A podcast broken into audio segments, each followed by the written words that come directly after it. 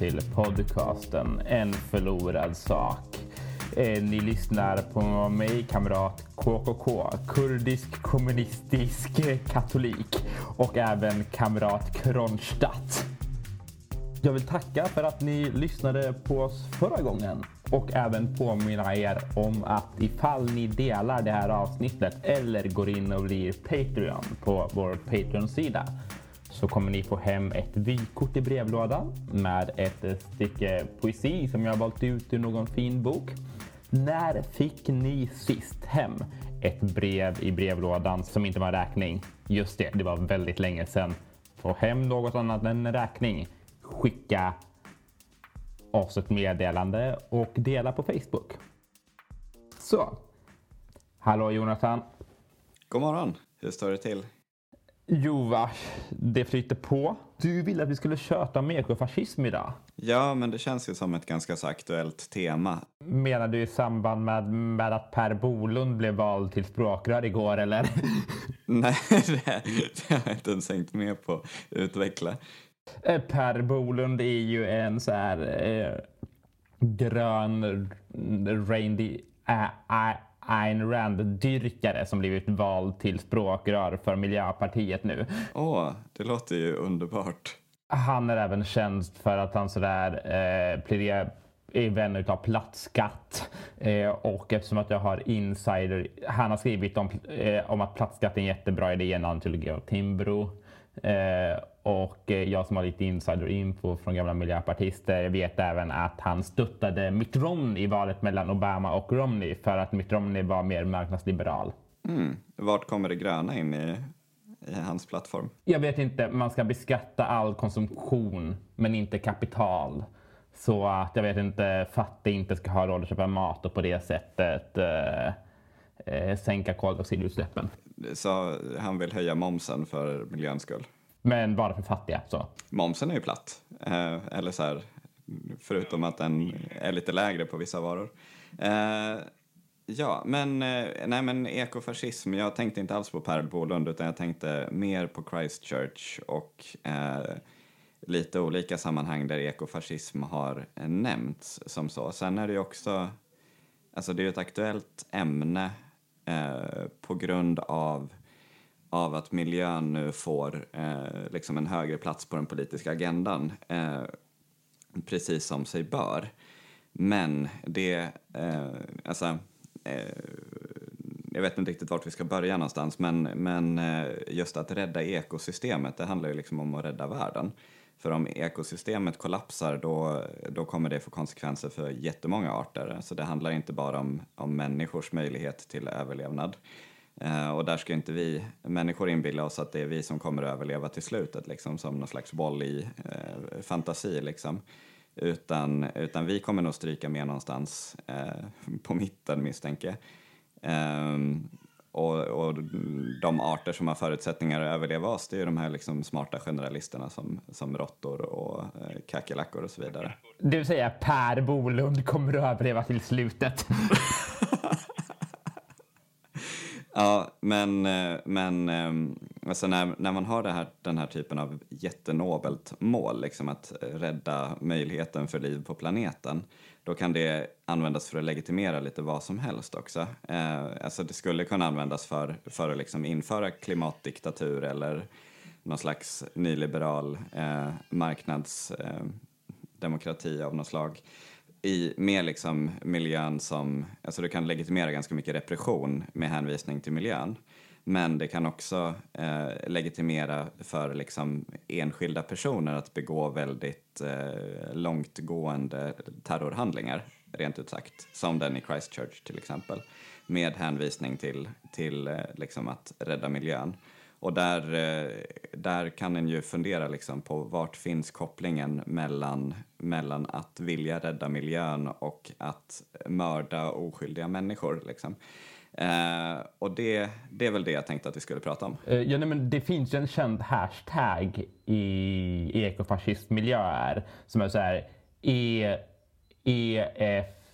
EFDS som står för Ecofascistic Death Squad. Okej, okay, ni, ni, ni, ni hymlar inte det minsta med vad det är ni vill göra liksom. Eh, och jag tänker att vi kan angripa det här på två sätt. Så. Antingen så kan vi börja i dagens läge och liksom leta oss bakåt.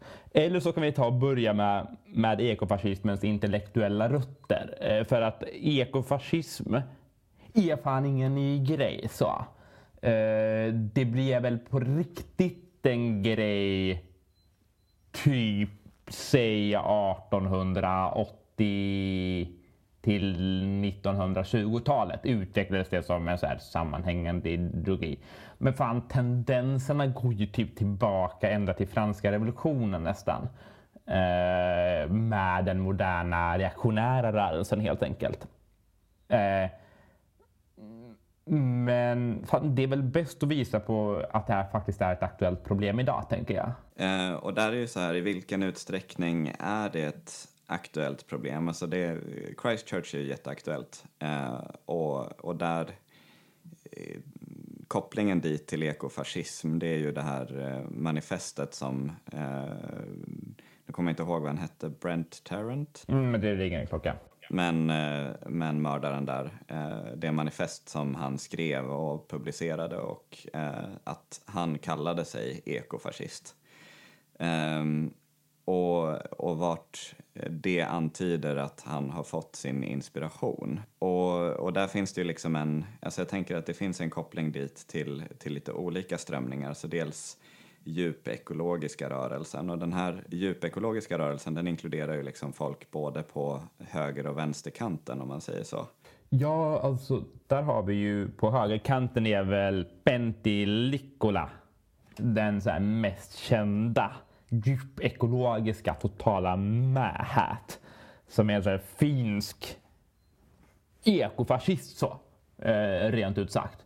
Eh, som är som, hans mest kända slogan är väl att eh, To defend life sometimes you have to exterminate a lot of it. Och där är ju, alltså, eh, där tänker jag att det kan vara ganska relevant att så här, börja med att säga vad är vad tänker vi på som fascism? För det här begreppet är ju liksom en är ganska brett och ekofascism kan ju på samma sätt vara ganska brett. För ekofascism det kan ju dels användas, eller det har använts ganska mycket som ett skällsord.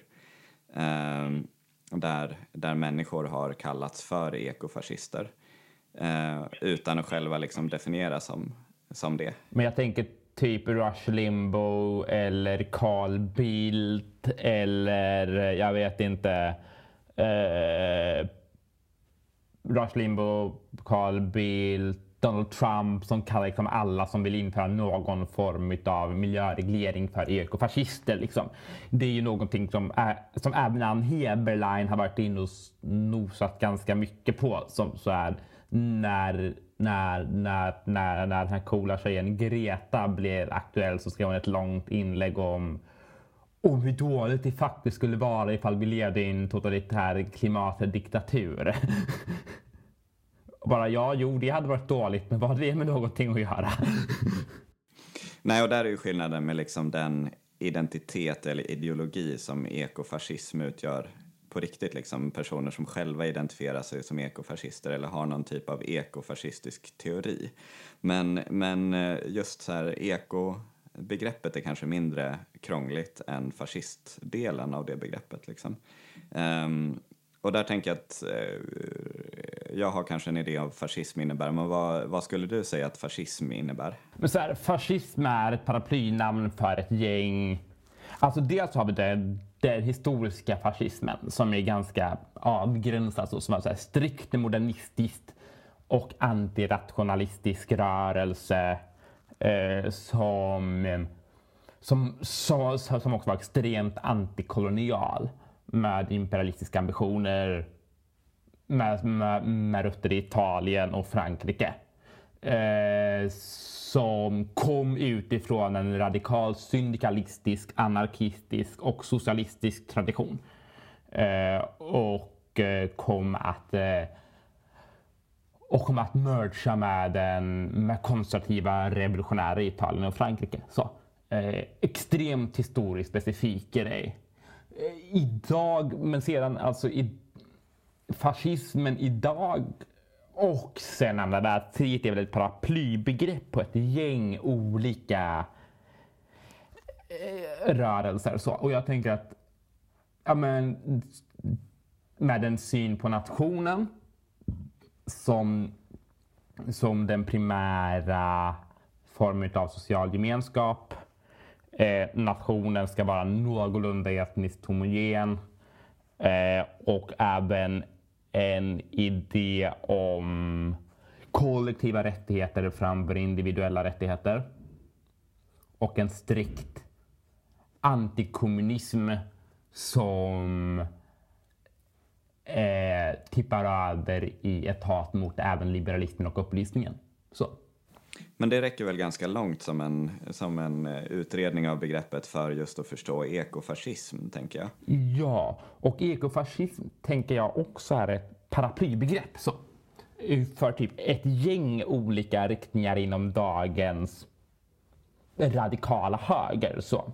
Eh, och efter att ha googlat runt lite och läst lite böcker och så, så finns det, dels har vi new age hippie-grejen liksom, som när man tänker på hippies tänker man ofta att de är vänster. Spontant. Men fan, de har mer gemensamt med den radikala högern. Och det är ju inte svårt att se varför så många av dem har gått över till, till riktigt obehagligt håll. För liksom, du har den här idén om att människan kommer in och förstör det, den ursprungliga balansen, naturen, Eh, ett hat mot upplysningen och moderniteten som förstör naturen.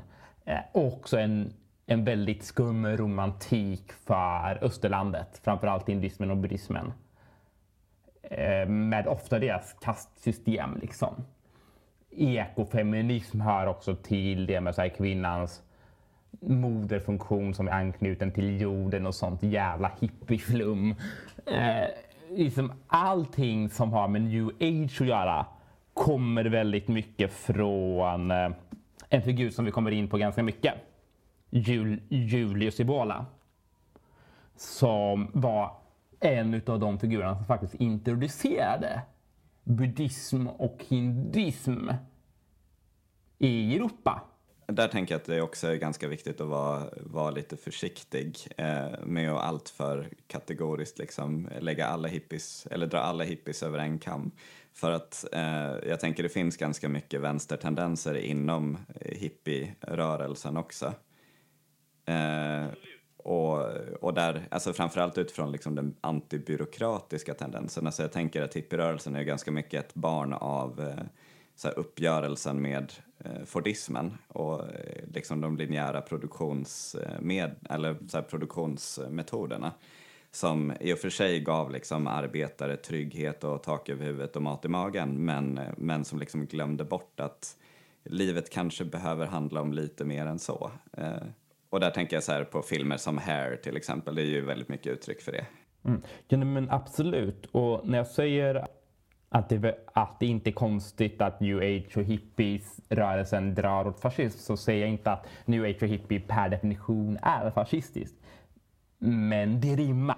Och det kan lika gärna rimma vänster, eller det kan rimma till en mer anarkistisk frihetlig grej med så det här återgången till någon form av autentiskt liv med vad det är som räknas. Liksom. Jag tänker att det är det som är new age-grejen.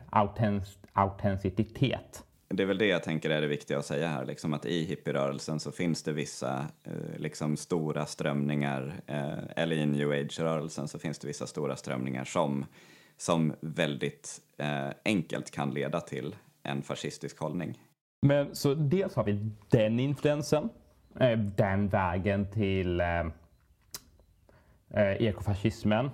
Vi har även den nyhedniska rörelsen det vill säga asatrodyrkare. Re, rent krast. Och de är fan fler än vad vi tror. Eh, den nypaganistiska rörelsen är ju bredare än bara asatroende. Det finns ju ganska många som hämtar inspiration från typ de romerska, eh, den romerska statsreligionen och så vidare.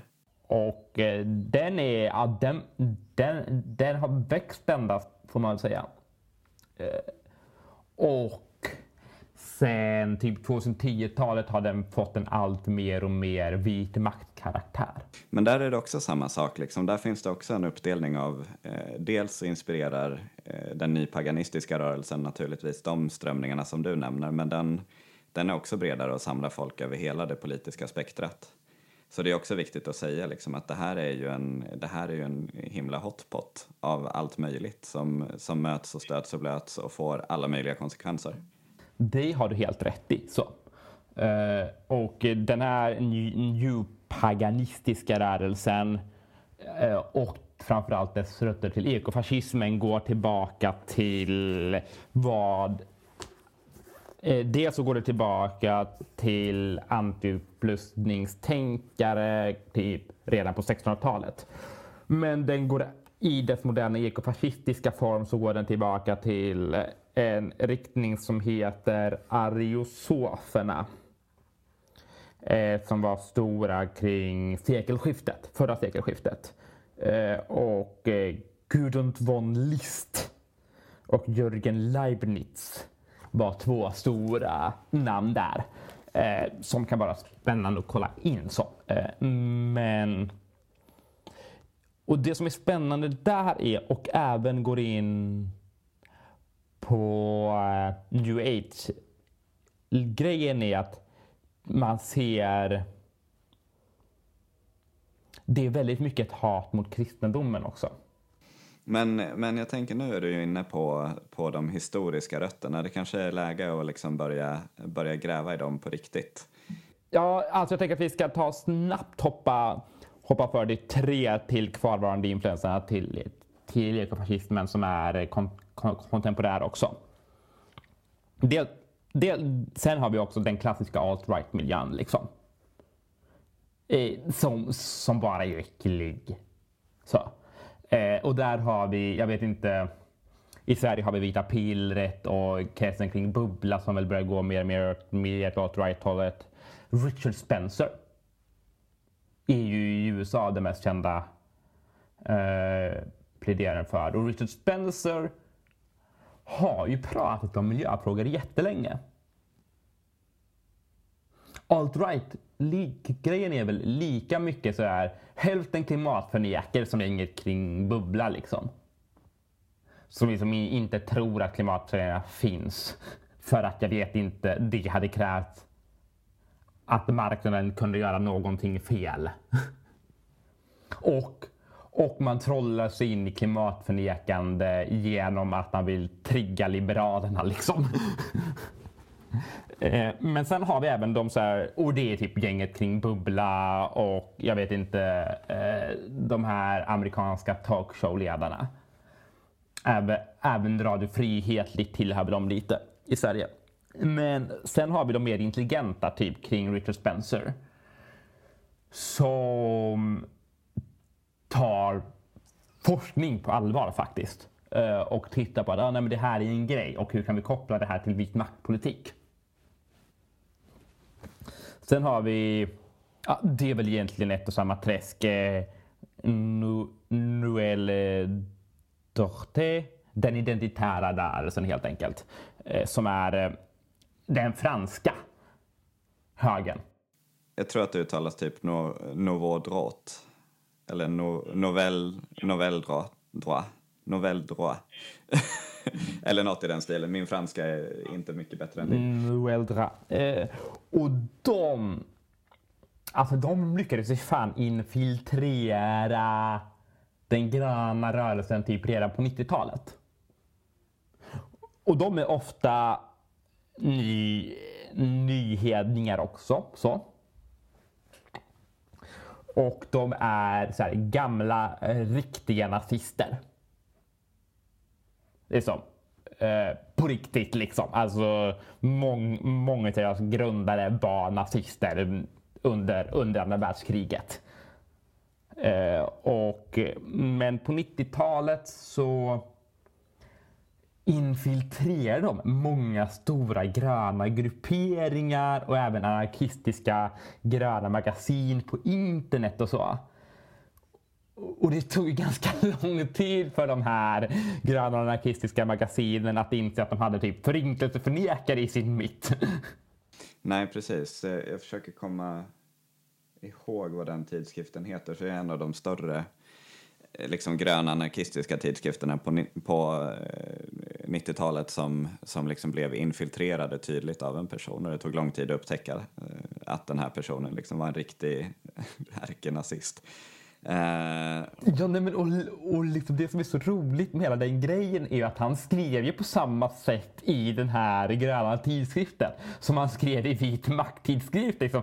Han hymlade ju inte alls. Han bara skrev lite. Han, han bara valde att inte skriva om, eh, jag vet inte, att ett bra sätt att komma till rätta med klimatförändringar hade varit att skjuta alla judar just i den tidskriften, men det gjorde han i andra.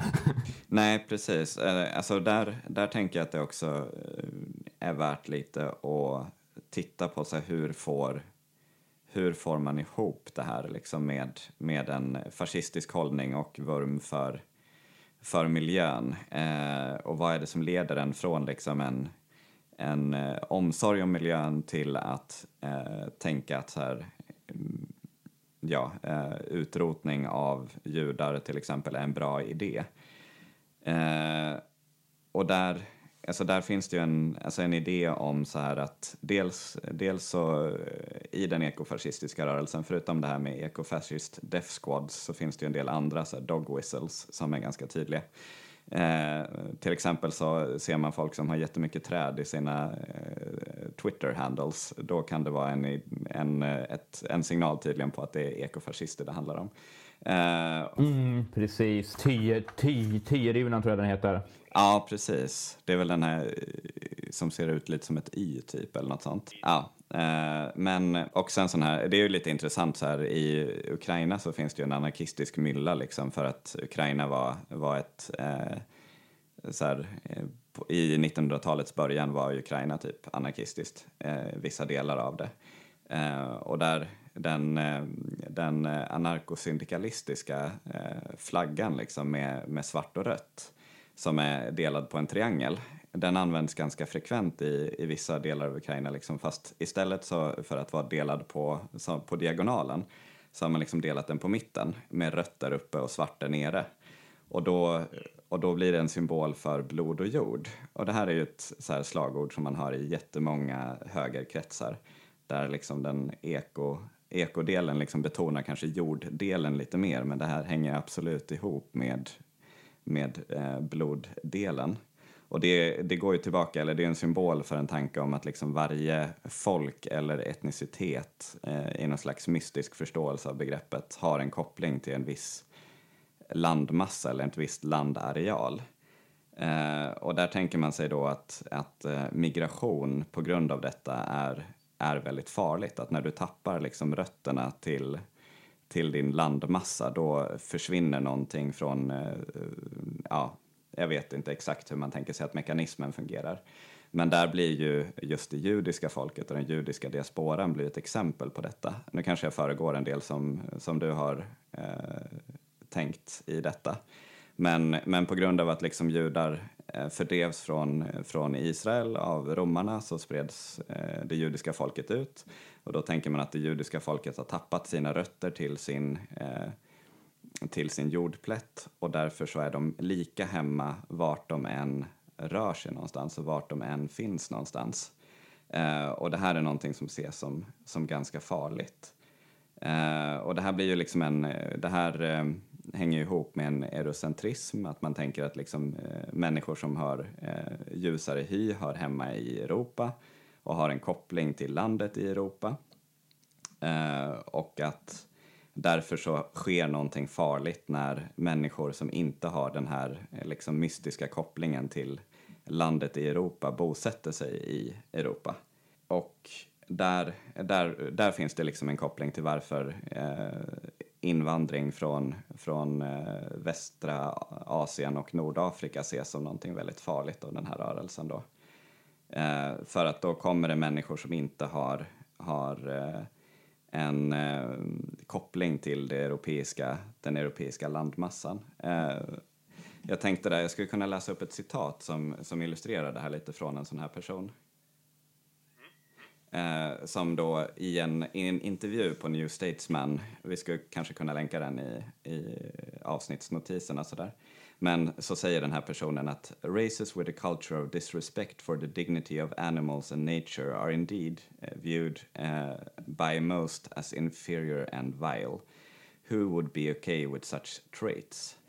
Uh, och då är det en person som heter Dan som blir intervjuad. Och det här är ju, det här märker man ju liksom att det här är snömos och det grövsta för att uh, om man till exempel pratar med människor i den här mer alt-right-strömningen av ekofascismen så har de väldigt lite att säga om så här, eh, ursprungsbefolkningen i USA som blev eh, liksom ivägkörda från sitt, eh, sina landmassor, eller man ska säga. Alltså man har väldigt lite att säga om så här, eh, amerikaners koppling till eh, landmassan i den amerikanska kontinenten. Eh, eller jag vet inte, det svarta i Sydafrika. Till exempel. Eh, ett annat exempel är ju så här hur samer eh, omnämns i eh, Sverigedemokraternas idéprogram eller partiprogram. Eh, jag vet inte om det står kvar i den senaste versionen, men för några år sedan i alla fall så pratade man om samerna som ett, en folkgrupp som visar att eh, olika folkgrupper kan samexistera ibland eh, på ett fredligt sätt. Och man var så här, eh, alltså vänta lite nu, eh, för det första, fuck you. För det andra, så, så här, fredlig samexistens. Det här är liksom en grupp som tvångssteriliserades fram till typ 60-talet av svenska staten. Fredlig samexistens, ja. Men, eh, men jag tänker det är ganska intressant att liksom följa just, eller så förklara hur, hur hänger det här ihop egentligen? Och det är just att man, man ser den här kopplingen mellan mellan en landmassa och en viss folkgrupp och tänker att det på något mystiskt plan hänger ihop. Nej, men absolut, och där tänker jag att då kan vi gå tillbaka till så här. Då, då, då tar jag på mig min idéhistorikerhatt. eh, och så går vi tillbaka till ariosoferna eh, som var då en rörelse kring sekelskiftet som kom att influera väldigt mycket. För eh, Ekofascismen har två stycken förgrundsgestalter intellektuellt. Dels har vi Daré, han heter eh, Richard Walter Daré som var nazist eh, under Hitler eh, och eh, väldigt nära till både Goebbels och Himmler. Eh, och det var även han som myntade begreppet Blut und Boden det, det var han som uppfann det begreppet. Och det är ju samma begrepp då som jag refererar till, blod och jord. Och sen har vi Sabat, si, Sabatria Devi. Eller hur, hur fan man nu uttalar hennes namn. Eh, och hon var inte indier som det låter på namnet. Hon var typ britt. Eh, som doktorerade i två ämnen. Eh, och blev eh, konverterade till hinduismen flyttade till Indien. Hennes stora sorg var att hon inte träffade gudarnas nya avatar, Hitler. Hon, hon, hon trodde alltså på riktigt att Hitler var en hinduistisk avatar. Eh, och eh, hon är även känd som Hitlers översteprästinna. Eh, under väldigt lång tid så sa hon att förintelsen var jättebra. Sedan på 60-talet så började de säga att ah, okej okay, den hände inte. Men ifall det hade hänt hade det varit bra. så det är som de två som är två grundbultar i ekofascismen. Men för att förstå dem så får vi fan nästan gå tillbaka till eh, arisoferna som var lite tidigare. Med en kille som heter Vilgot som liksom grundlade mycket av den mytologin. Som Eh, Eh, fan, vi, vi får nästan gå tillbaka ännu mer. Sådär. Eh, upplysningen och marxismen och socialdemokratin bygger väldigt mycket på rationalism. Det vill säga idén att vi kan lösa problem och förstå världen intellektuellt via forskning och med, med forskning och statistik och intellektuella matriser kan vi även göra interventioner i verkligheten. Så. Eh, och det här var någonting som tidiga anarkister, syndikalister och fascister väldigt mycket riktade sig mot.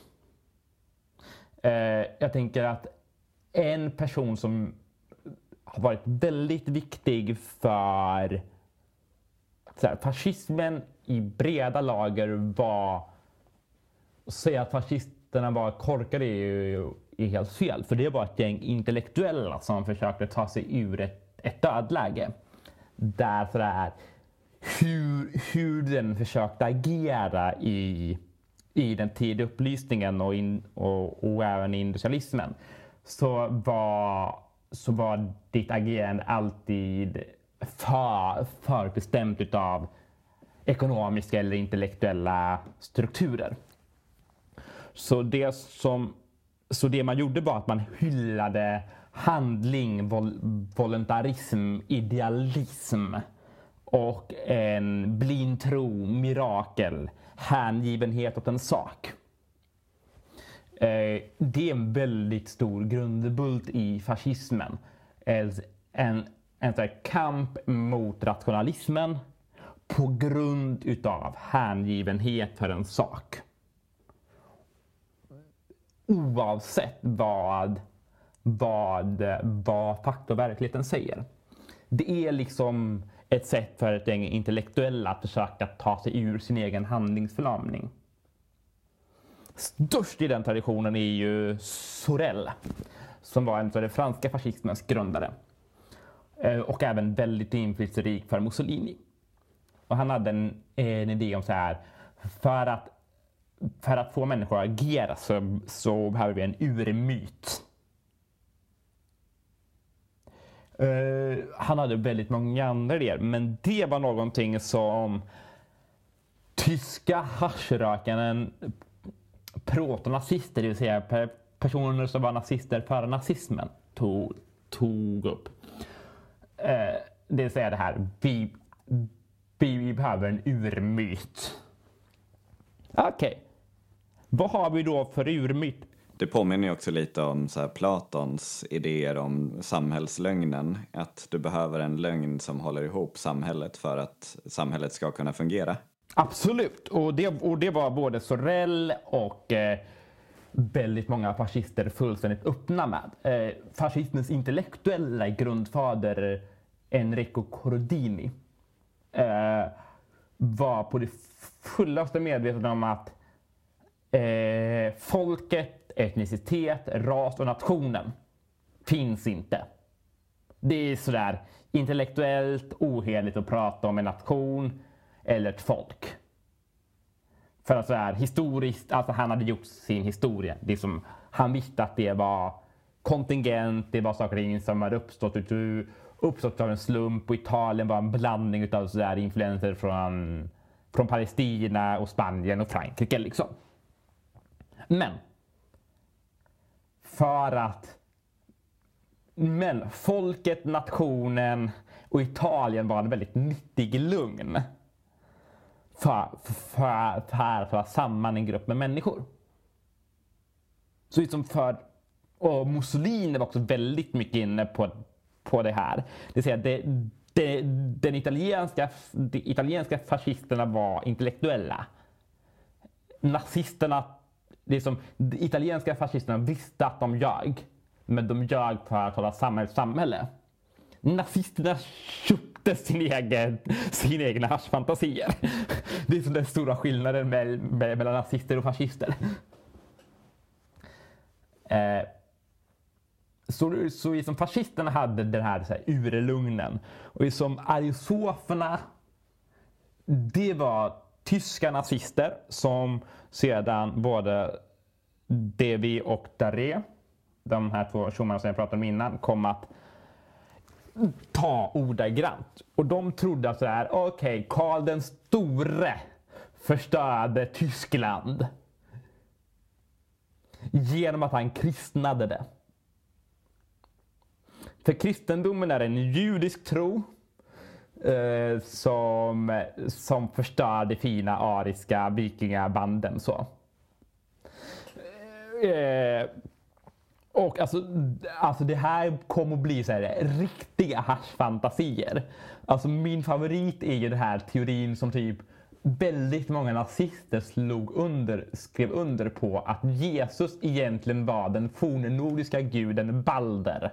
Som flydde efter Ragnarök ner till Palestina där han blev dödad av de onda judarna för att för att judarna förde ett krig mot den ariska rasen. Sedan återuppstod han, flydde upp till Skandinavien och Tyskland och grundlade den nya ariska rasen i Atlantis som sedan sjönk och så flydde de här människorna till nuvarande Skandinavien liksom. Som, som du märker det riktiga jävla haschfantasier. Och det, den, en fråga som kan vara så här intressant att fundera på det är så här, varför, vad var det för mylla eller vad är det för mylla där den här typen av fantasier kan liksom tas på allvar? Ja, eh, okej. Okay. Först så när vi pratar om hippies, kristaller och väldigt mycket droger. Typ under 60 och 70-talet då väldigt många andra konstidéer slog rot i, väst, i västerlandet. Så eh, det fanns på 1890-talet i Wien. Så de hade på riktigt typ utanför Wien eller mellan Österrike och Tyskland en så här stor badort. Där, där alla de här människorna träffades, mediterade och tog massa droger. Eh, så, och de här människorna, hälften blev sen socialister väldigt många blev det som vi brukar kalla för konservativa, rev revolutionära och nazister. Så liksom det var människor som såg att industrialismen slet sönder alla sätt som man visste om hur man skulle vara människa. Det är som de här klassiska formerna för att vara människa som var så här, stora familjer där mormor, farmor, morfar alla bodde under samma tak. Man brukade jorden. Eh, så. Man, man betalade sin tribut till, till den lokala fursten, inte i pengar utan i råvaror. Och så vidare. Allt sånt höll på att slitas sönder utav industrialismen. Och på det så kom det massa konstiga grejer som psykoanalys och marxism och idéer om att alla människor skulle vara lika mycket värda. Och eh, jag vet inte, idéer om att förnuftet var någonting som fanns. Och, som, och att förnuftet var lika hos alla människor. Eh, och det här skapar extrema motreaktioner hos människor som var väldigt vilsna. Och med för mycket droger och med rena charlataner liksom köpte sådär haschfantasier om att Balder skulle ha flytt till, varit Jesus och flytt till Atlantis liksom. Men jag tänker också att det finns en, alltså en delförklaring också. Det var ju just så här slutet 1800-talet eh, i så här typ högborgerliga kretsar i Europas eh, storstäder och i USA också så, så fanns det ju liksom en miljö som var ganska intresserad av allt som var lite konstigt.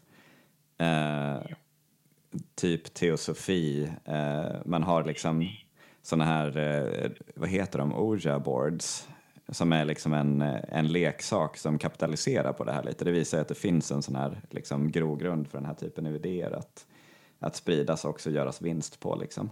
Eh, som eh, ja, det är ju grunden i anden i flaskan. Liksom. Det är en, eh, bakgrunden till den är ju liksom en leksak som togs fram för att, eh, för att man såg att här fanns det en möjlighet att tjäna pengar på detta. Och som jag tänker att det var väldigt fint att du nämnde till Sofie.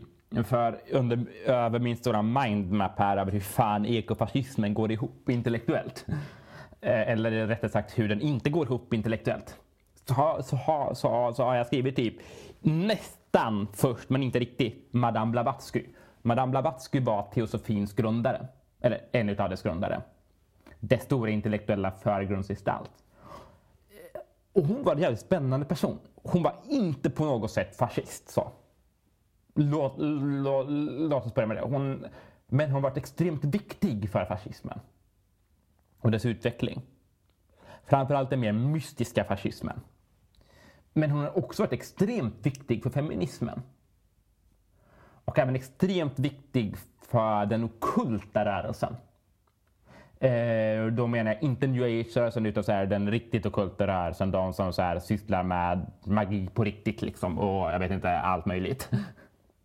eh, Black magic och wicca och sånt tjafs. Eh, men teosoferna och Madame Blavatsky, de var ju verkligen ett barn utav, utav 1800-talets upplysningsideal. Där man säger, okej, okay, genom socialantropologi och historiska studier ska vi komma fram till vilken religion som är rätt. Och så skapar man så här väldigt, väldigt eh, skumt ihopkok av alla världens religioner. Så var väldigt, väldigt godtyckligt och man drog ut myter och satte ihop dem och så vidare och så vidare. Och skapade helt enkelt en ny religion. Och eh, teosoferna var så här oerhört viktiga.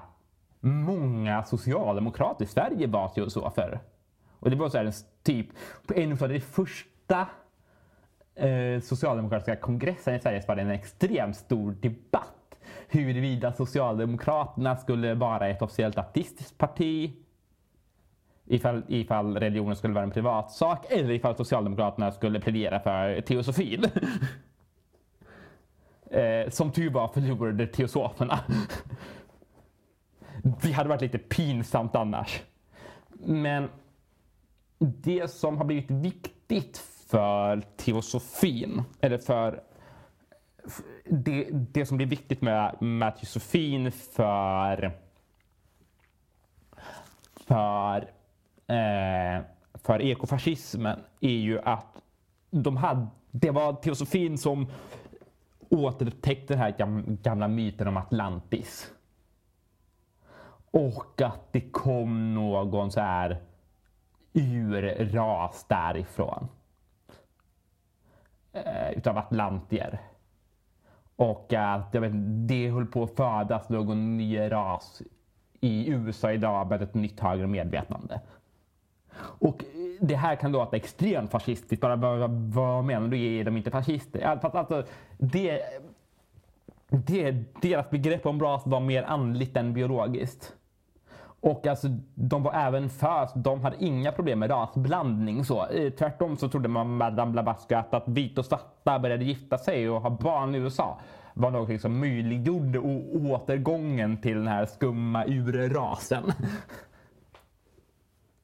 eh, men för, för, förutom idén om Atlantis förde de även in idén om så här hinduistisk historiefilosofi.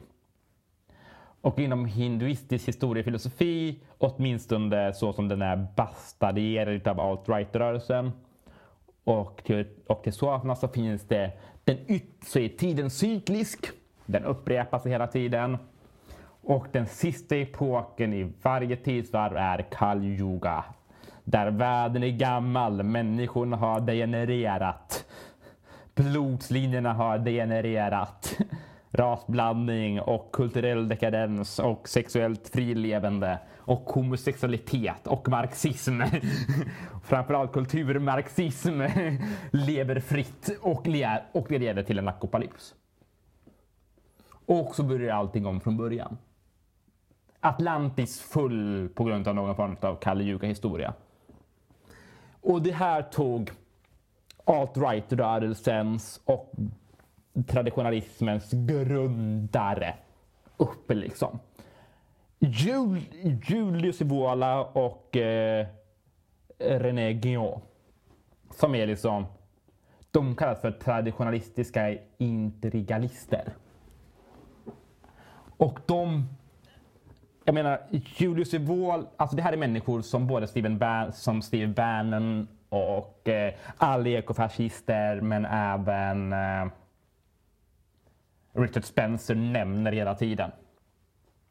Och det är, jag menar, Julius Evola skrev A Critique of Fascism from the Right. Men för jag tänker det här, det här begreppet traditionalistiska interregalister, det kan du gärna få förklara också tänker jag. Absolut, det ska jag göra. Eh, men så här, de här människorna kritiserade, kritiserade fascismen för, för att den var för demokratisk. Så man tyckte att man tog för stor, att, att man la, la för stor vikt vid folket och folkrörelser. Och det var ju oviktigt, alltså man ska ha någon form av jävla... Eh, Ivola pratade om, om att ledaren för den nya rasen skulle vara en solgud. Som stod över vanliga dödliga så. Och då, och, och, och då använde han inte solgud som en metafor. Han trodde på riktigt att Mussolini var en gud ett tag. ja. Eh, något, och traditionalistiska integralister, det är de två är de mest kända utav dem. Evola och Guillaume. Guillou slutade faktiskt som muslim. Han konverterade till islam. Och var religionshistoriker. så. Evola var mer en aristokrat som, som, gjorde, som testade jävligt mycket droger. Och det vet att han gjorde så han testade på så där alla droger som fanns på den tiden för att se ifall det kunde föra honom till någon form av högre upplysning. det brände antagligen bara hans hjärna jävligt hårt så. Julius såg sig själv också som en helig krigare återfödd från något hinduistiskt heligt krig av något slag. Väldigt, väldigt diffus. Alltså han, alltså han var helt galen, helt enkelt. Eh, men han hade... Han, han föreläste extremt mycket för både nazister, Himmler, Göring, även Mussolini. Han var viktig i, i, under den tiden. Men de tror att vi måste krossa upplysningen gen, genom att gå tillbaka till någon form av feudalism och absolut monarki för att krossa alla spår av upplysningen. Upplysningen är idén att upplysningen består av två, två eller tre eh, grundläggande idéer i deras tankevärld. Eh, nu ska jag ta upp en bok här och se så att, så att jag inte blandar ihop dem. Eh, vi pratar om dels förnuftet. Idén om att alla människor har ett förnuft och att framförallt förnuftet, att alla människors förnuft är lika mycket värda. Det vill säga att ifall, ifall en bonde säger en sak är det lika sant. Ifall en bonde säger, säger att 1 plus 1 är 2 är det lika sant som ifall en kung säger att 1 plus 1 är 2. Bara, nej, det är fel när en bonde säger det, men, men när en kung säger det är det rätt. Så. Eh, för att ens position i samhället avgör ens tillgång till sanningen och förnuftet helt enkelt. Så en kritik mot förnuftet. En extrem kritik mot eh, natural rights.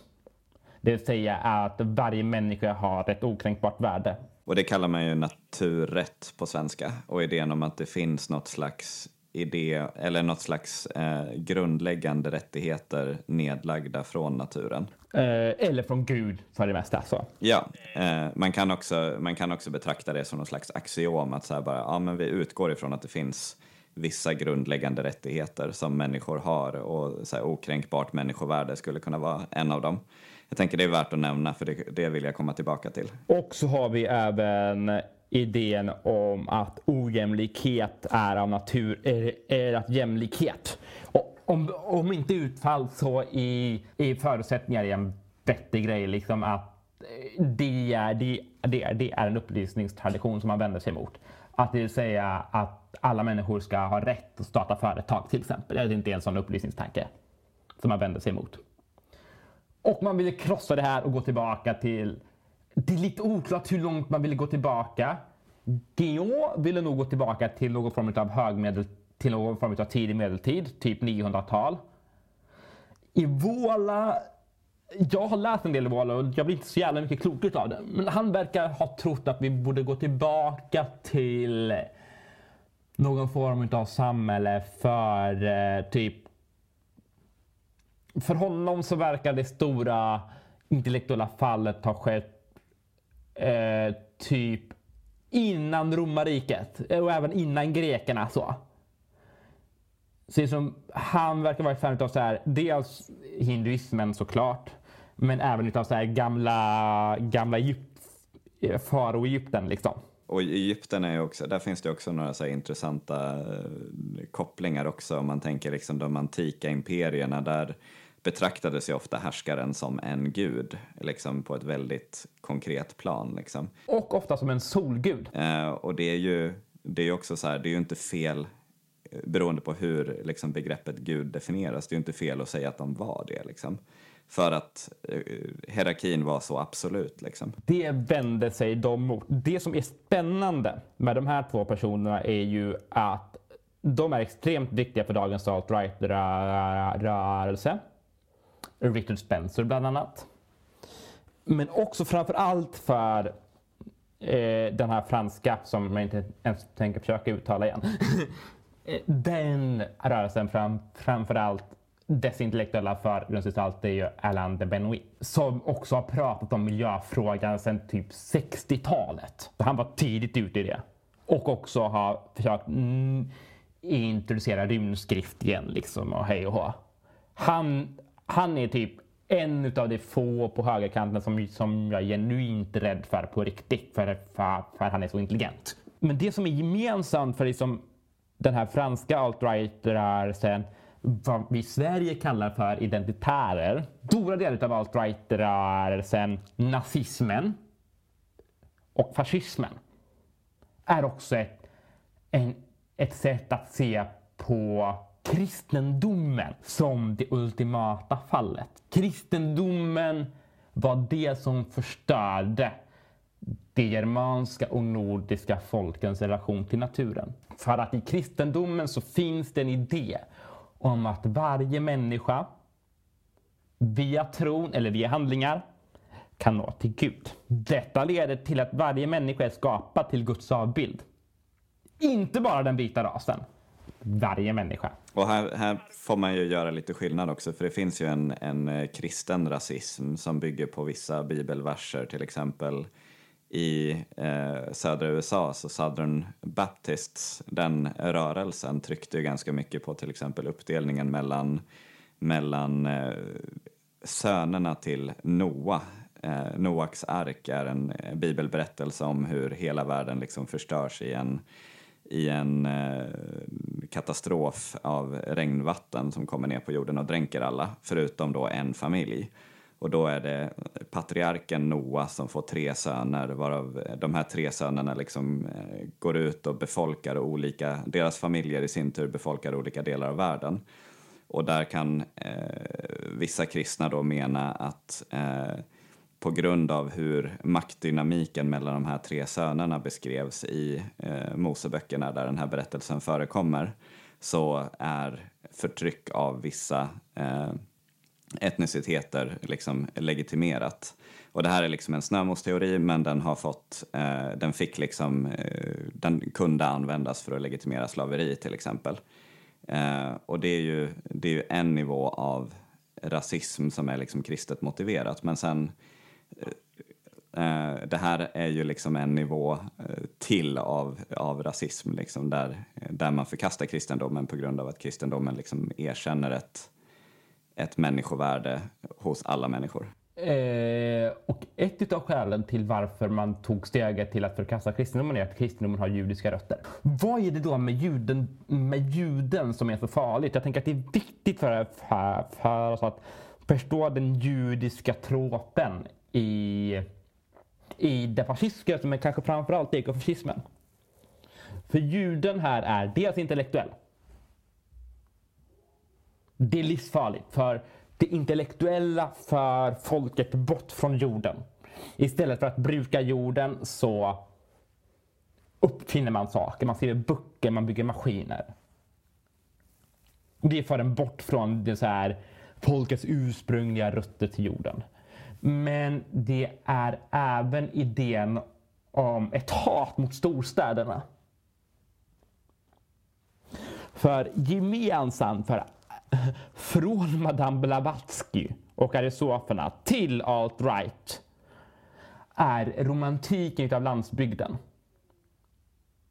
Och den här, eh, den här Daré, Walter Daré hade idén om att ah, det var även han som myntade begreppet Lebensraum, livsutrymme, som nazisterna använde för att rättfärdiga kriget österut. För att man skulle eh, ta över en jävla massa land och tyska folket skulle bli en nation av självförsörjande bönder. För att man var tvungen att krossa storstäderna. För storstäderna var en judisk uppfinning som ledde till att människor tog sig bort från naturen, inte blev beroende av naturen, träffade människor från olika folkgrupper, olika idéer. Det som storstäder är ju en jävla smältdeg liksom där det är ingen slump att storstäder alltid är mycket mer radikala. Du kommer alltid hitta queer-feminister i en storstad även ifall du går tillbaka till typ antiken. Så hittar du fan queer-feminister i antiken. Ifall du åker till landsbygden är det mycket svårare. Du hittar där men de är jävligt mycket mer ovanliga. För att i storstäder så konfronteras du med olikheter. Och tvingas lära dig att leva med dem sida vid sida. På ett sätt som du inte behöver göra i landsbygden.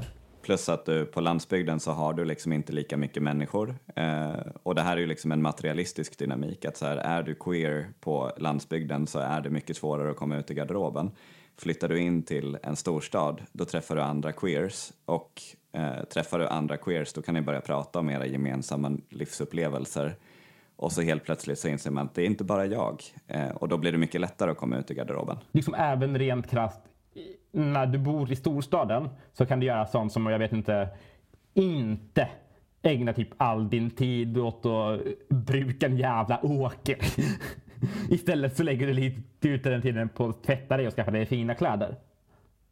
Du kanske läser böcker ibland. Eller, eller, eller går på bio eller vad fan du nu gör. Eh, och det här leder till vad nazisterna och fascisterna och alla de här människorna skulle säga en femininisering, en degenerering utav utav den ariska stammen som är ett judiskt påfund. Det, och liksom det här hör ihop med urbaniseringen, den industrialismen, kapitalismen. Mm, men man likställer kapitalismen med judendomen. För att den rycker upp det ariska folket från sina rötter. Och rötterna är jorden. Och när du rycks upp från jorden tappar du respekten för naturen. Och då ser du inte längre vad vad ditt utsuger utan naturen gör med den. Vilket gör att du...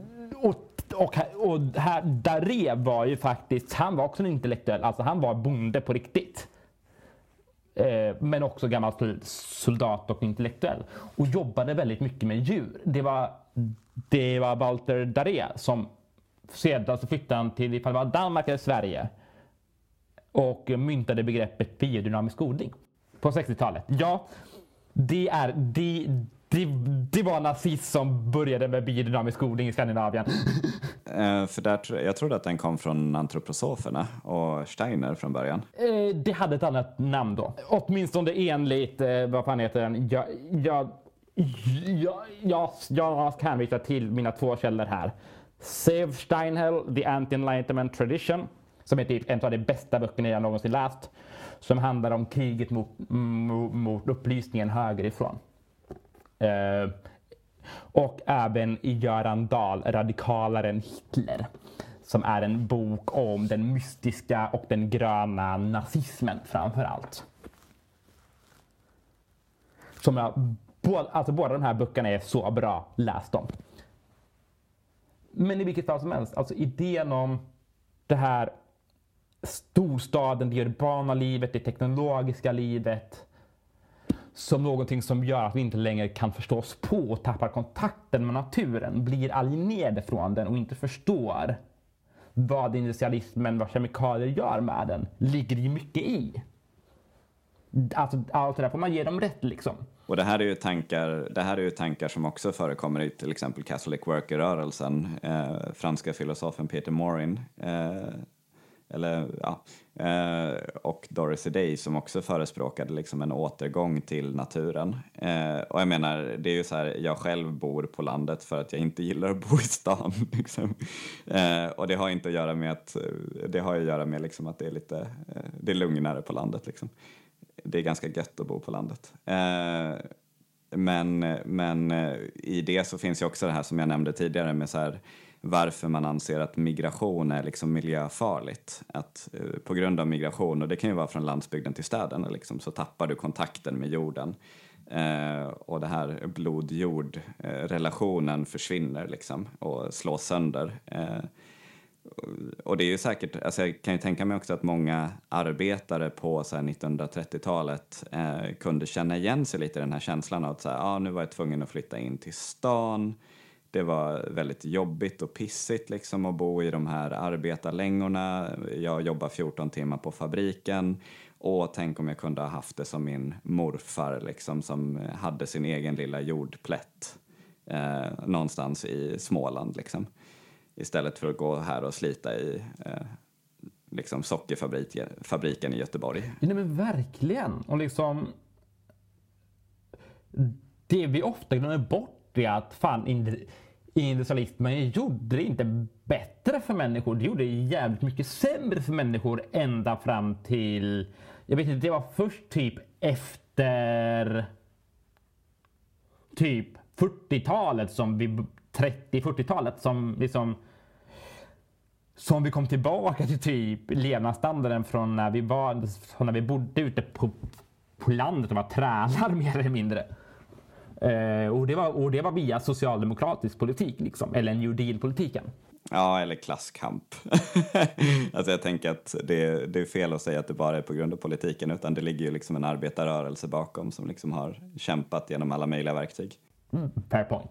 Men liksom, jag tänker att, men precis som du pekade på så liksom leder ju den här uppbrottet, man tror att det liksom leder till att, att den här all, alienationen från blodbåden, bloden och, och jorden leder till att man dels nedvärderar jorden men också inte ser hur vi förstör den. Och eh, detta leder till att vi blir mer okej okay med, med massmigration från andra länder. Vilket leder till att vi behöver exploatera jorden ännu mer för att försörja alla de här parasiterna som kommer hit. Det som för, för att liksom de, de, de här människorna förklarar ju inte klimatförändringen särskilt ofta med rådrift av naturresurser på det sättet som vi gör. Utan de förklarar det med att det kommer hit en jävla massa blattar som, eh, jag vet inte, som, som vi sen måste försörja genom att hyperexploatera våra egna naturresurser. Vilket är en jävla haschfantasi. Och det är ju så här, alltså jag hörde, jag lyssnade på en, en intervju med Pentti Linkola. Han säger ju precis det här liksom att så här, eh, Eh, migration från andra länder till Finland är liksom eh, en katastrof. Det får inte förekomma för då kommer eh, Finlands naturresurser att behöva exploateras hårdare än vad de redan gör. Sen är han ju konsekvent vad jag kan se liksom, i det att eh, han är också emot liksom, att, eh, liksom industriell exploatering av naturresurserna som det är. Linkola är ju biolog från början liksom. Ja, alltså han är väl också Pentti Linkola, alltså han är ju eh, en av de tre stora ekofascisterna liksom. Eh, det är Daré, eh, Devi och Linkola. Och Linkola är väl också för så här tvångssterilisering utav sådär alla etniskt mindervärdiga, alltså även inom den egna rasen, typ klassisk jävla rashygien. Mm, charmigt. Nej, men eh, det jag tänkte på också det var att han säger i det här klippet, alltså det finns inte så mycket på engelska på Youtube med honom, eh, så att eh, det är ganska lätt att hitta det här. Men, eh, men han säger att så här, folkgrupper som har hyperexploaterat sina egna naturresurser och så här, eh, den här klassiska grejen med att så här, ja, de får så många barn, liksom. Eh, när du har eh, liksom, eh, landområden som drabbas av naturkatastrofer eh, och du har stora familjer så drar man slutsatsen att så, ja, då måste det vara för att det är för stora familjer. Och så ignorerar man liksom att det här har en materialistisk eh, förklaring. Och då menar Lincoln att ja, men de har ju liksom fått för många barn, därför har de eh, hyperexploaterat sina egna naturresurser och då förtjänar de att dö. Och det är slutsatsen liksom. Eh, och där, det, det, var lite därför också som jag tänkte så här, det är ganska viktigt att prata om människovärde i det här sammanhanget. Ja, men, dels människovärde, men också liksom rent krasst att det här är jävla haschfantasier. Jag menar, låt oss titta på vilka områden i världen det är som drabbas hårdast av hyperexploatering av naturresurser. Dels oljebältet i Niger i Afrika. Som har liksom förstört all möjlighet typ odla jord där. På grund av att vi behöver plast och olja till våra jävla konsumtionsprodukter i västvärlden. Och det är våra företag som exploaterar de naturresurserna. Shell väldigt mycket. Eh, och de lokala grupperna som protesterar mot det här, de försvinner. Ingen hör från dem igen.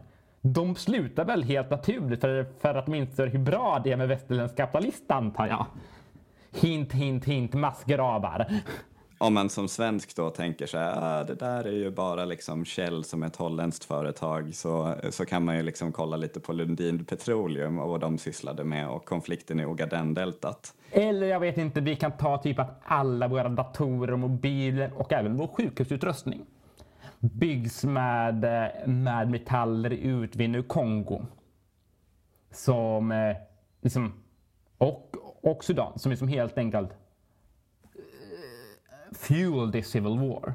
Och när du vet att typ 10 av dina 10 barn per familj kommer bli döda av krigsherrar som får betalt utav, eh, utav Apple eller eller ett kinesiskt storföretag eller ett annat amerikanskt storföretag, typ Windows, i kriget om de här metallerna.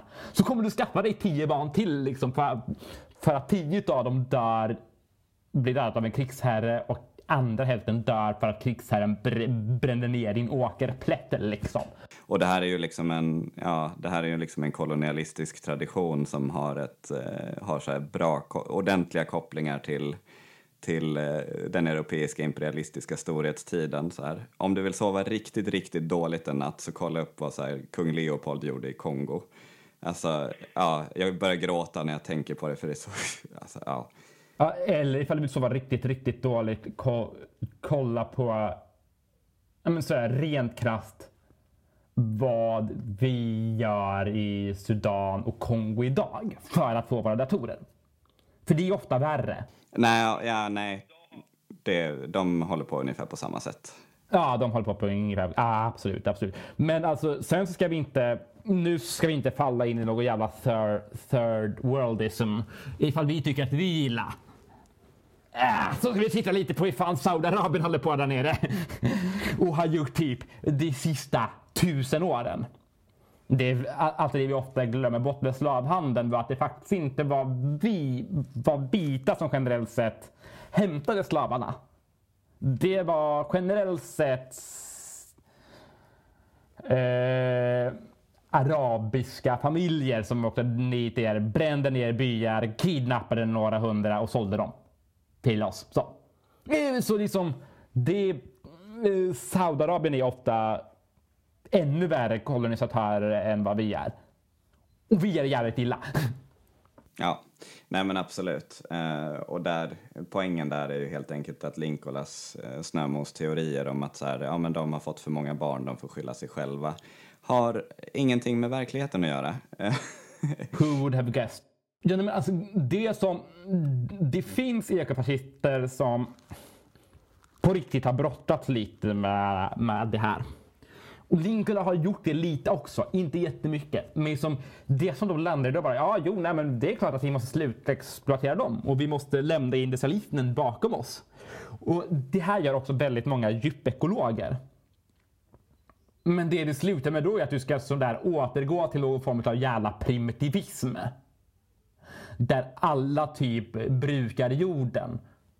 Och eh, vi måste ut och 90 procent av jordens befolkning kommer, kom, kommer dö i svält på kuppen liksom. Och alla personer som har någon form av sjukdom kommer också dö för att vi inte kommer kunna producera mediciner. Och det är man fullständigt okej okay med. Och där är ju liksom så här, det man också får nämna där det är ju liksom eh, genusrelationer. Eh, du får också tänka på personer som har en funktionsvariation. Eh, alltså så här, eh, ett problem med kapitalismen är ju liksom att en persons eh, så här, lust till en Ferrari prioriteras högre än en annan människas rätt till en permobil som gör liksom att den människan kan röra på sig. Eh, men eko, alltså om du går till så här, total primitivism då blir det ju också så att den personen som, eh, som inte kan röra sig med sina egna ben liksom får inte, alltså permobiler måste ju också förstöras liksom. Eller alla som har astma eller en, eller en allergi. Mm. Och det är ju, jag tror inte det räcker med att 90 procent av jordens befolkning skulle dö ut, eh, liksom, utan det, det behövs, eh, du behöver på något sätt förklara hur ska män, mänsklighetens befolkning minska till liksom en en nivå där alla kan leva som jägare och samlare och det, det är liksom eh, människor som lever som jägare och samlare behöver mer, mer Lebensraum, rent krasst. Jägare och samlare är mer så här galna ekoprimitivister och anarkister så, faktiskt.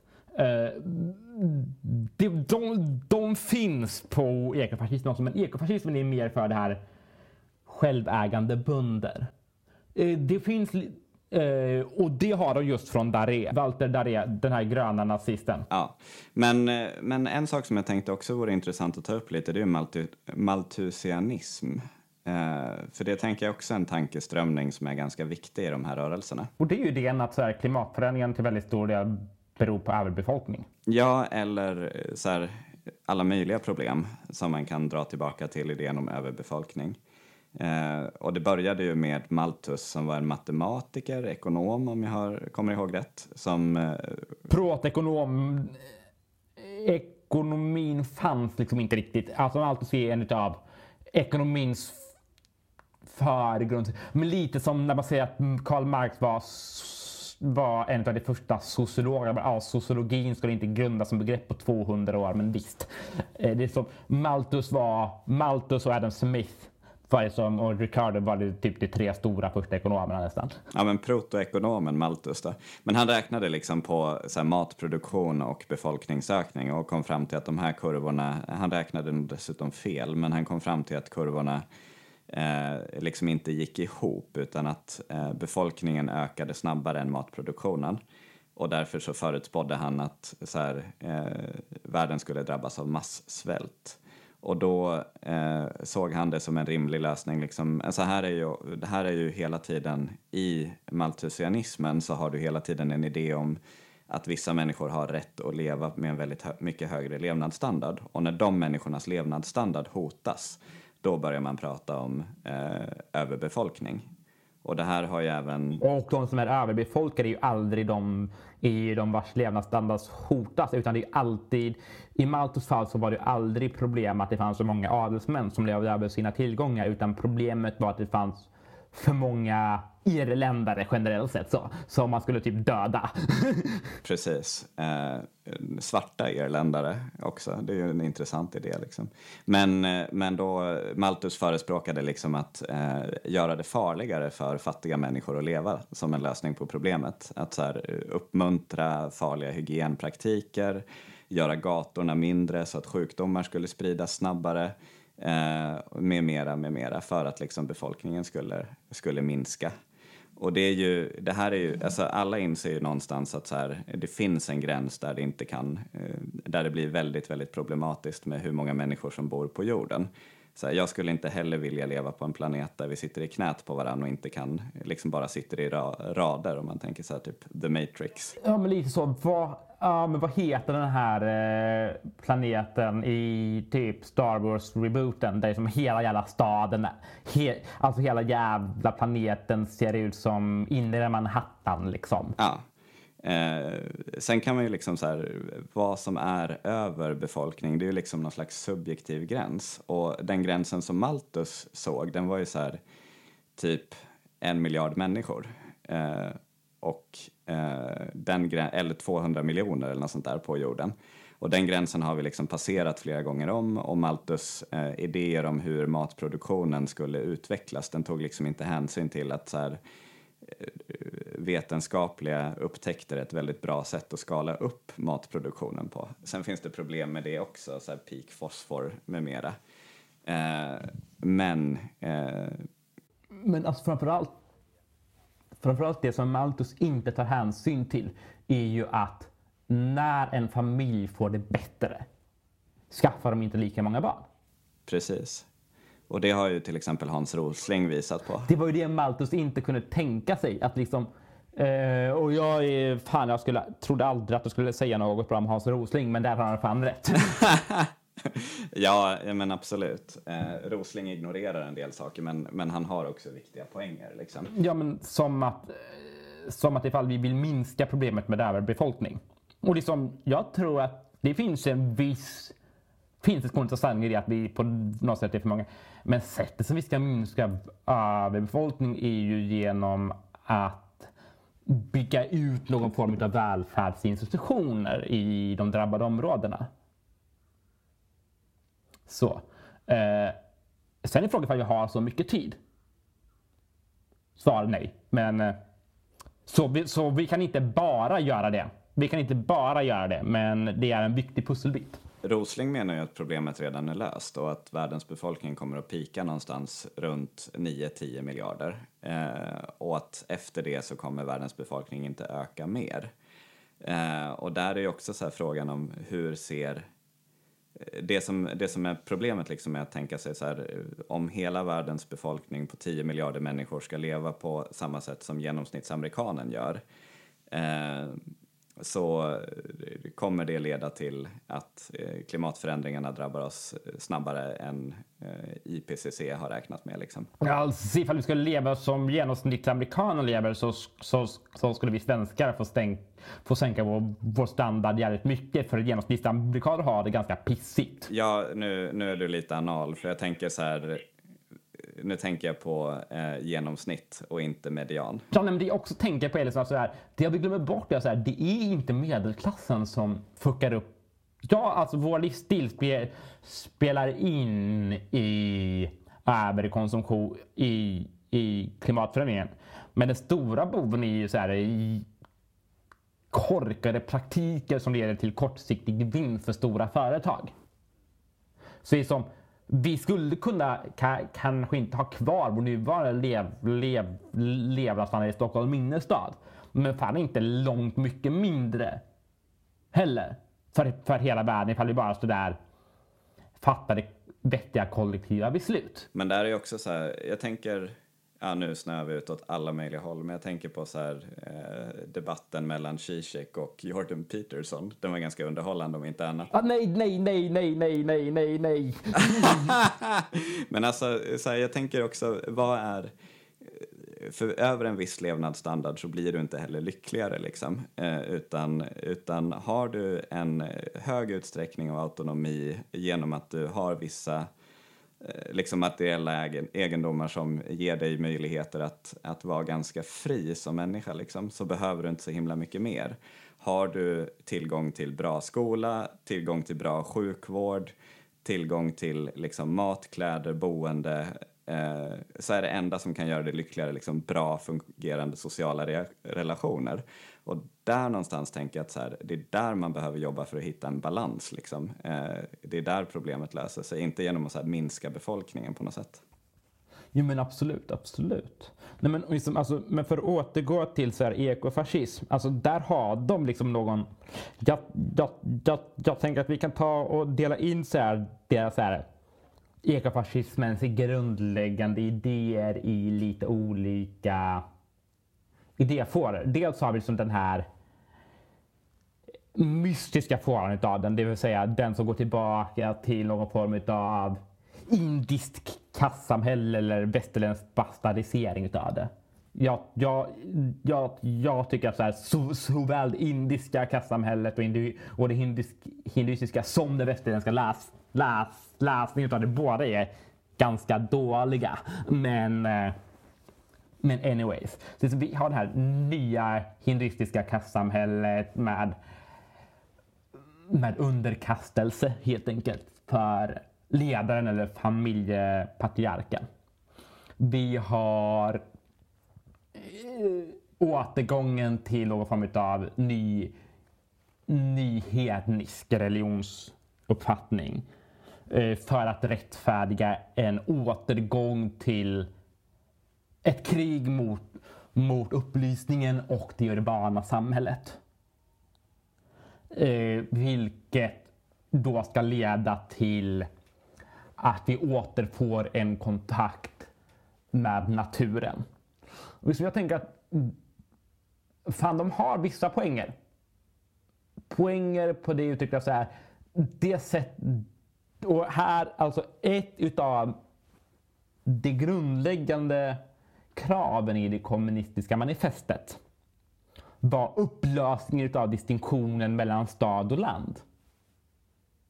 Eh, det här är någonting som västerländsk marxism har jobbat väldigt lite med, förutom den italienska. Amadio Bordiga, som är en galen marxist, så, jobbade väl, dock väldigt mycket med det. Alltså att,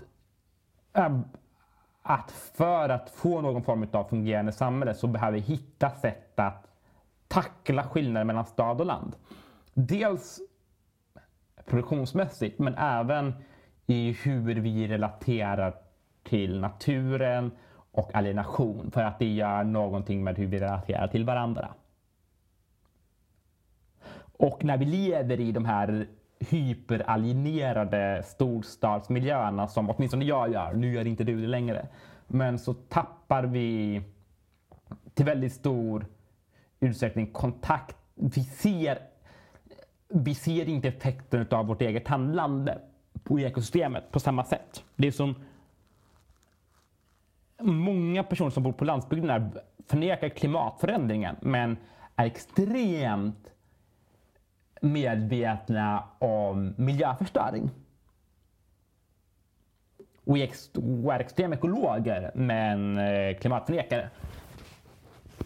Och jag tänker att där har de förstått någonting. Eh, och att det även leder till jävligt keffa sociala relationer. Sen så tycker jag att det är spännande och det här öppnar verkligen för oss på vänsterkanten att peka på att det de här fascisterna, alt-right, den franska nya högern, det är de bedriver ett krig mot den kristna civilisationen. Och det är de fullständigt öppna med. Jag menar, de ser ju kristendomen som en förlängning av judendomen.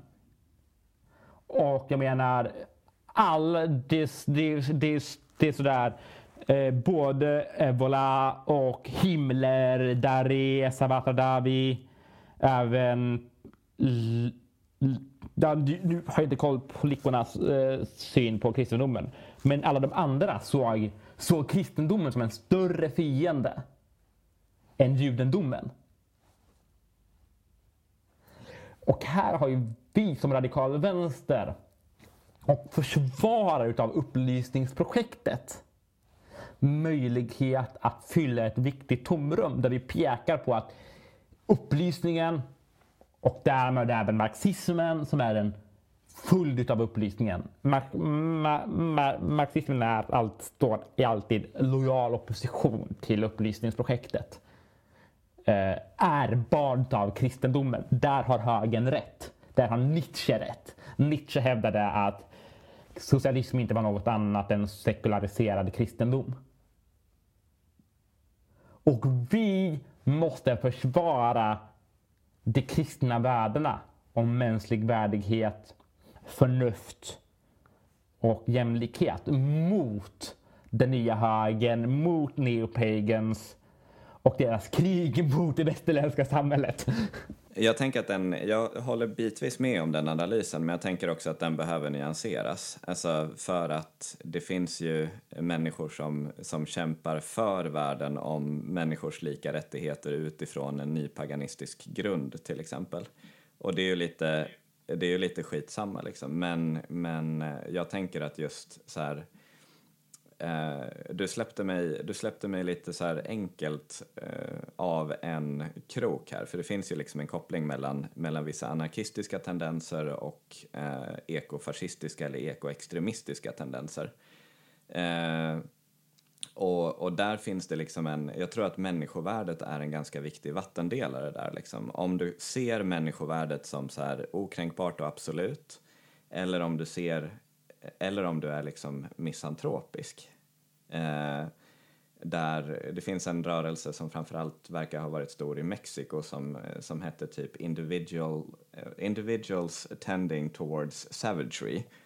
Eh, alltså individer som individer som tenderar mot fascism, eller mot, eh, mot det vilda. Eh, och de här, de har ju liksom, eh, framförallt så verkar de ha liksom tagit på sig ansvaret för väldigt många mord i någon slags propagandasyfte.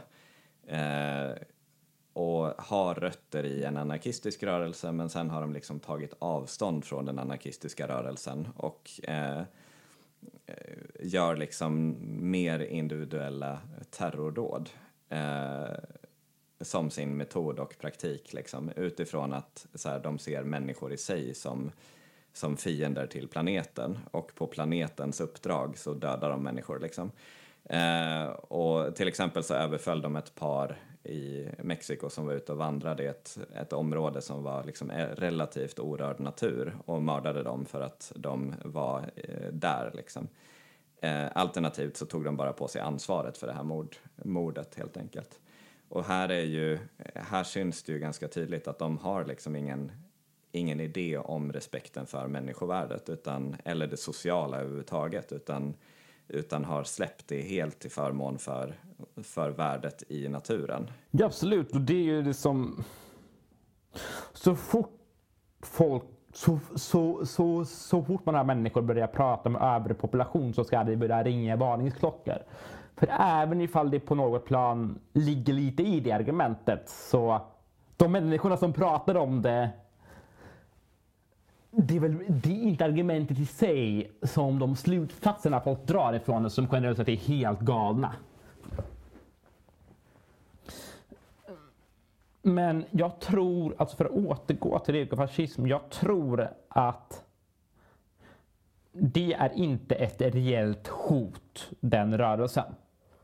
Men jag tror det är en rörelse, men i takt med att den radikala högern, och med den radikala högern så menar jag nyfascistiska rörelser, traditionalistiska rörelser och revolutionärt konservativa rörelser. De tre skolorna. I takt med att den nya hög, den radikala högern växer och får större och större inflytande, vilket den får för att den som har abdikerat. Eller inte, eller är inkapabel att fylla sin roll. I takt med att de rörelserna växer så kom, och klimatförändringarna de ekologiska katastroferna blir större, mer kännbara, kommer den, den, de, de ekofascistiska tendenserna också växa. Jag tror, jag tror inte att de är ett jättestort hot. Tror heller inte att de kommer bli det. Men det är nog en närvaro som vi måste vänja oss vid och som vi måste lära oss att förstå Framför allt för att de, de pekar på frågor om hyperexploatering utav vårt gemensamma hem. Och det totala främlingskapet som skapas i en, en ekonomi där som där produktionen är så upp, uppskruvad att den inte tar hänsyn till reproduktion av verkliga naturresurser eller mänskliga resurser. Eh, och detta är både frågor om alienation, bevarande av mänskliga och naturresurser är frågor som vi i vänstern har bättre svar på. Vad vi inte har vettiga svar på är frågor rörande vår, vår, vår andliga alienation från, från naturen. Vilket faktiskt är saker och ting som människor känner en, ett genuint andligt svar till. Så där måste vi bli bättre och där tror jag att vi kan använda det judekristna arvet. Och av den enkla anledningen att vänstern är, är de enda försvararna utav det arvet idag. Det ska inte hindra oss från att sluta allianser med andra. Liksom. Men, och där kan vi också... För jag tror inte att gemene man är särskilt pepp att återgå till att dyrka orden. Som tur är. Eh, där tänker jag framförallt liksom, alltså, vi är ju kristna båda två och en, en praktik som så här, kristen anarkist som jag ser som en av mina absolut viktigaste det är att försöka föra in liksom en mer eh, radikal politik i kyrkan. Alltså att eh, så här, försöka vända den kyrkliga eh, politiska eh, agensen mot eh, intersektionell anarkokommunism. Eh, det här låter ju fullständigt, det, det, låter ungefär så galet som det är, men jag tror att det är, en, det är ett viktigt projekt. Liksom. Men, men eh, sen vill jag kommentera det du sa lite med så här att jag tror att det finns en ganska reell risk för fler eh, Christchurch-dåd som liksom motiveras, alltså så här rasistiskt motiverade terrordåd mot eh, etniska minoriteter eh, under liksom med någon slags ekofascistisk motivation. Där det är människor som på allvar tror på det här att liksom eh, människor som kommer från fattigare länder och migrerar eh, har tappat sin relation till naturen och därför är en miljöfara. Liksom. Och här, här pratar man om individer, liksom kännande, tänkande människor som, som eh, en miljöfara. Alltså nazisterna pratade jättemycket om människor som ohyra och sådana saker och den typen av språk tror jag att det finns en reell risk för att se mer av. Och där tänker jag också att det är så himla viktigt liksom att vi på vänstern som bryr oss om människovärdet eh, faktiskt slutar så här, kommer ut ur garderoben, organiserar oss, blir syndikalister, går med i sak, alla. Eh, så här, om du inte är med i sak så har du fan inga jävla ursäkter, gör det nu. Uh, Nej, nej, nej. Ja, ja. Okej, okay, ja, det, det, det är en annan diskussion. Ja, eh, men, men i vilket fall, liksom, organisera oss och så här, för att skapa eh, bra sociala relationer mellan oss, samarbeta för att lösa våra problem. Eh, för om vi samarbetar så kommer vi lösa det bättre än om vi så här, utrotar varandra. Ja, men det, det är väl så det sammanfattar skillnaden mellan så här, en radikal vänster och ekofascismen ganska... Eh, det, det sammanfattar skillnaden med, mellan vänster och höger ganska bra. Ifall vi samarbetar kommer vi lösa klimatförändringar bättre än ifall vi utrotar varandra. Ja, exakt. Uh, svårare än så är det inte. Eller jo, det är det visst. Men men så här, du planerade ju... Nej, men liksom, och, och, och där räknar jag fan in centerhögen.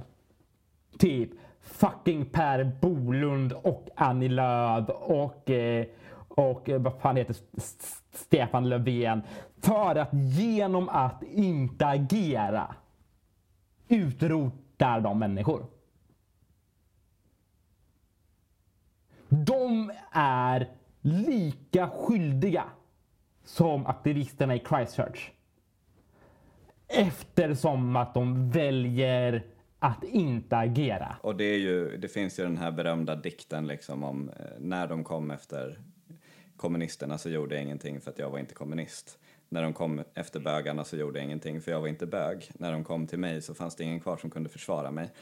Och det är ju, alltså så här, att inte ta ställning eh, det, det är helt okej okay att inte ta ställning om du är så utbränd, känner att det här är liksom, det här orkar jag inte. Men om du känner att du har energi och kraft över liksom, så eh, ja, bryr du dig om människovärdet så gör något för fan. ja, vi, vi, vi, vi har fan inte tid för något annat längre. Men eh, jag tänker det är också ett bra tillfälle. Du pratade om att eh, planen för nästa avsnitt är att prata om eh, vänstersekter. Nästa gång ska vi prata vänstersekter. Så, så det kan ni se fram emot. Och, och, och höra mig snacka skit om vänster ännu mer. Och det finns, ju en, det finns ju en fin röd tråd till så här hur man organiserar sig och inte organiserar sig i, utifrån det här avsnittet. Absolut. Eh, så jag tror att jag kommer snacka en del skit om Zack där som du eh, hyll, hyllade här. ja men precis, alltså, om man organiserar sig så ska man ju göra det på ett sätt som, så här, där man bygger upp varandra och, och så här, inte ägnar sig åt, eh, åt eh, småaktiga smågräl för det hjälper ingen. Men, så ja, men det kommer vi prata om nästa gång. Fram tills dess, håll till godo med det här jättelånga avsnittet. Eh, och eh, men så här. Dela det här avsnittet, gå in eller gå in på Patreon. Vi behöver såklart pengar. Det här kostar pengar att driva. Så jag ligger fortfarande back eh, för alla utgifter. Kom, kommer nog alltid göra det. Det är lugnt med mig, men ifall ni har lite pengar över, gå in på Patreons sida. Om ni inte har pengar över, det är lugnt. Men dela då jättegärna det här avsnittet på forum, på sociala medier, Instagram, Facebook, Twitter. Vad fan det är ni kids använder nu för tiden. Om ni gör det så lovar jag att skicka iväg ett vykort till er. Handskrivet, en utvald dikt, en personlig hälsning till er eller någon annan person ni vill att jag ska skicka det till. Eh, för liksom, ni vill ha någonting i brevlådan som inte räkningar och gör oss en tjänst samtidigt. Med det sagt, tack för oss. Tack för idag.